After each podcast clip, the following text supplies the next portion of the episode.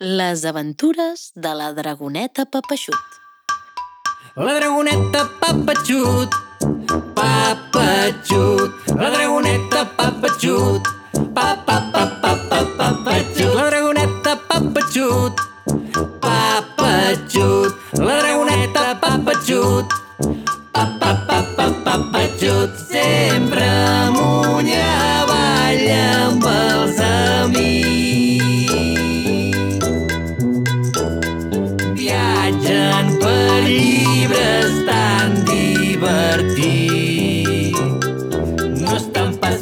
mai avorrits. La història imaginada. Duru, durururu, durururu, dururu, dururu, duru, durururu, durururu, dururu.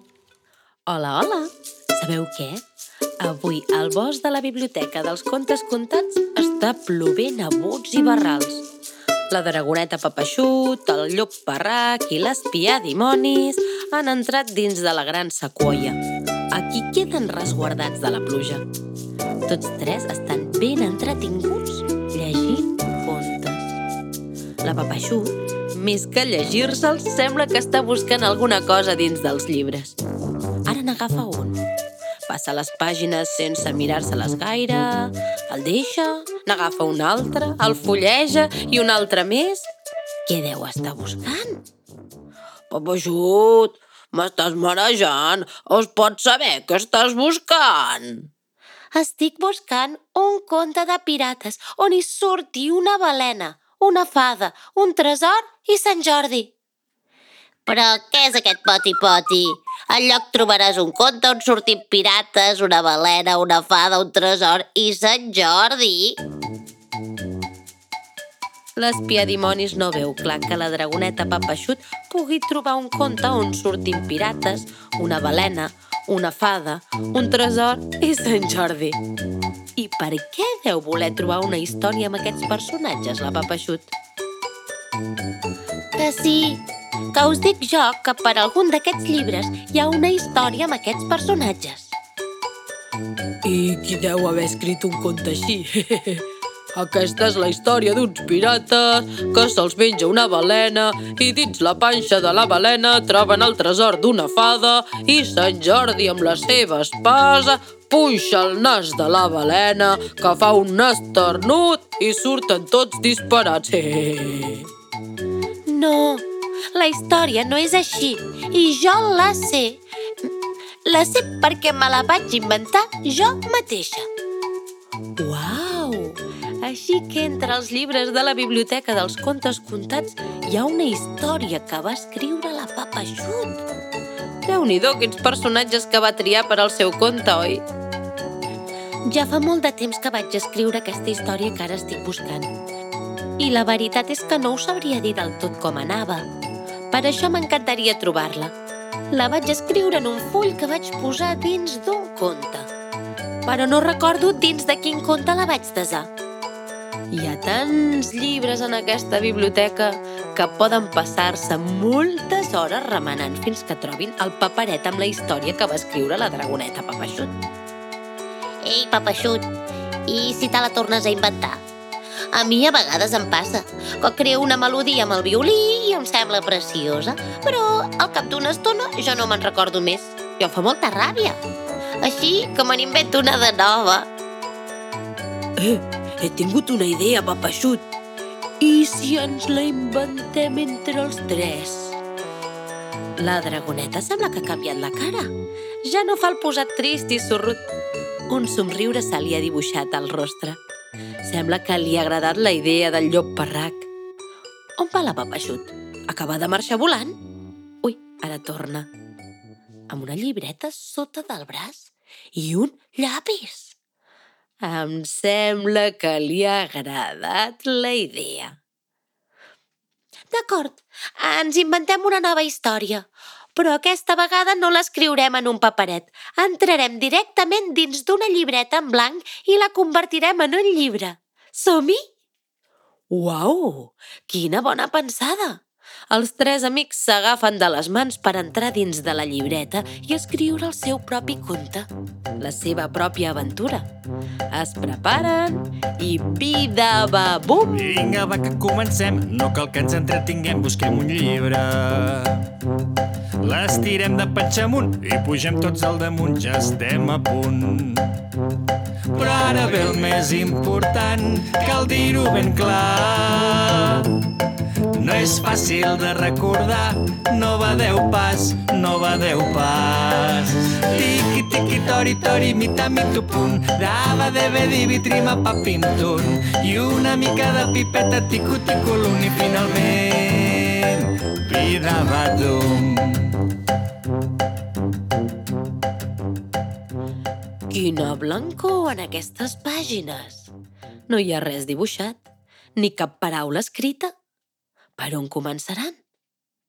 Xxt, que em sembla que la Papa Xut arrenca amb la història.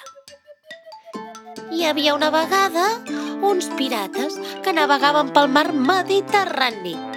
Tenien molt males puces. Ningú no els volia veure ni en pintura perquè eren uns lladregots, uns malcarats i feien molta por. Aquell dia s'havia aixecat una bona tempesta, llampegava i tronava sense parar, així que els pirates es van refugiar dins del vaixell. No va quedar ningú a coberta i de sobte... Cloix! Van sentir un esclafit tan fort que tots van treure el cap a veure què havia passat.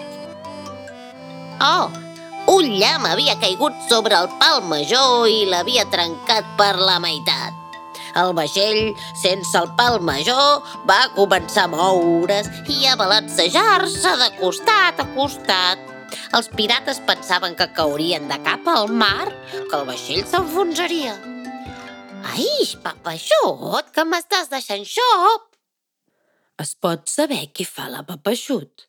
Ha dibuixat una regadora i una escala. S'ha enfilat al damunt i els està regant. Què passa, espia dimonis? És per posar més emoció i realisme a la història. Estic fent la pluja. I espera, que dibuixaré un ventilador que bufi ben fort, com si fos el vent del temporal. Alto, alto, alto, papaixut, que ja ens ho sabem imaginar. No cal que acabem tots molls. Atxip, atxip. Sí, papaixut, jo crec que ja podem fer que comenci a parar de ploure. D'acord. La pluja estava fluixant.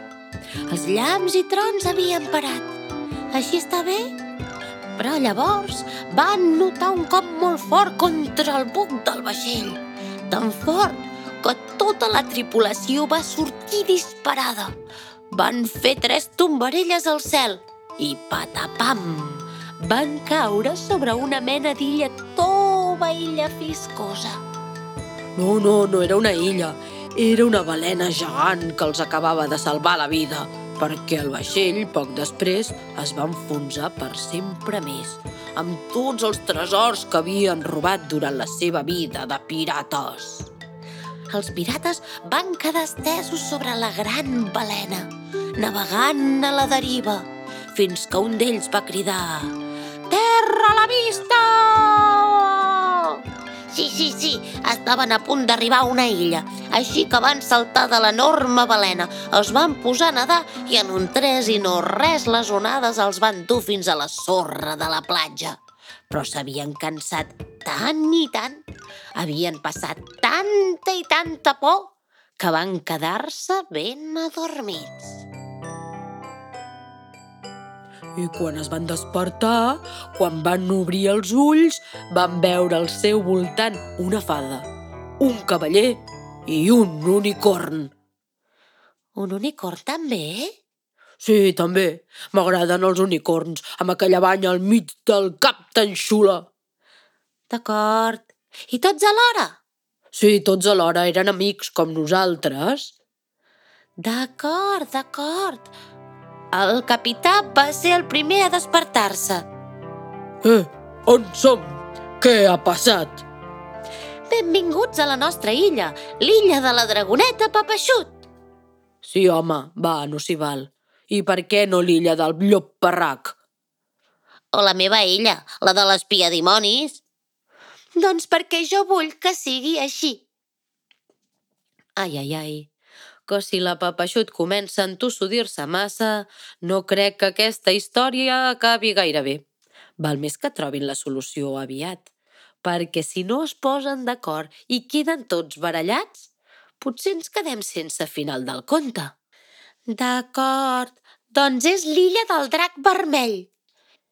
I què hi fa un drac vermell en aquesta història? Mm? Deixeu-me fer a mi.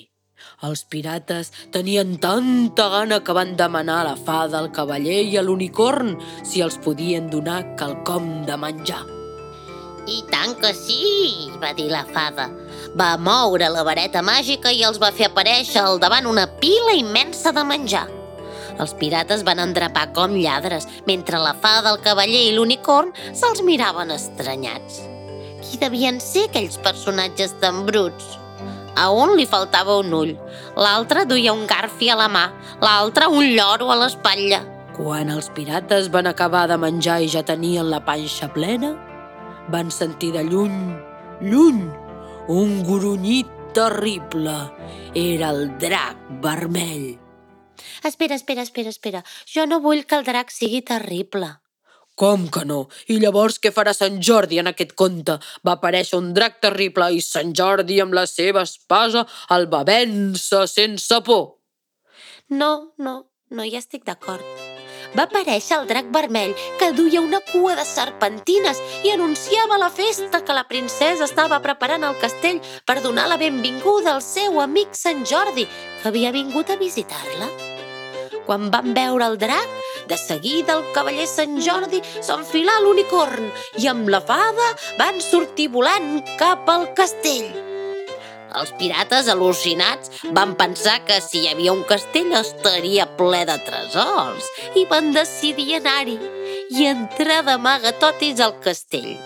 El castell estava fet de núvols de sucre, caramels, xocolata i no van poder evitar la temptació de menjar-se un totxo de xocolata, una finestra de caramel, una floreta de núvol de sucre... Però el que no sabien era que el castell tenia un encanteri. Aquell que se'n mengés un bocí es convertiria en papallona o en art de Sant Martí. I així va ser com de cop i volta, dalt del cel, mentre el castell celebraven una festa amb la princesa, el cavaller Sant Jordi, l'unicorn i la fada, va aparèixer un art de Sant Martí i una pluja de papallones que va deixar tothom bocabadat. I conte contat, aquest conte s'ha acabat. Si no és mentida, serà veritat. Uau! Déu nhi Quin conte més entretingut i emocionant s'acaben d'inventar aquesta colla. I ja hi ha un nou llibre a la biblioteca dels contes contats. És molt divertit inventar-se històries. I vosaltres, quin conte us hauríeu inventat en què apareguessin pirates, una balena, una fada, Sant Jordi, un unicorn i un drac?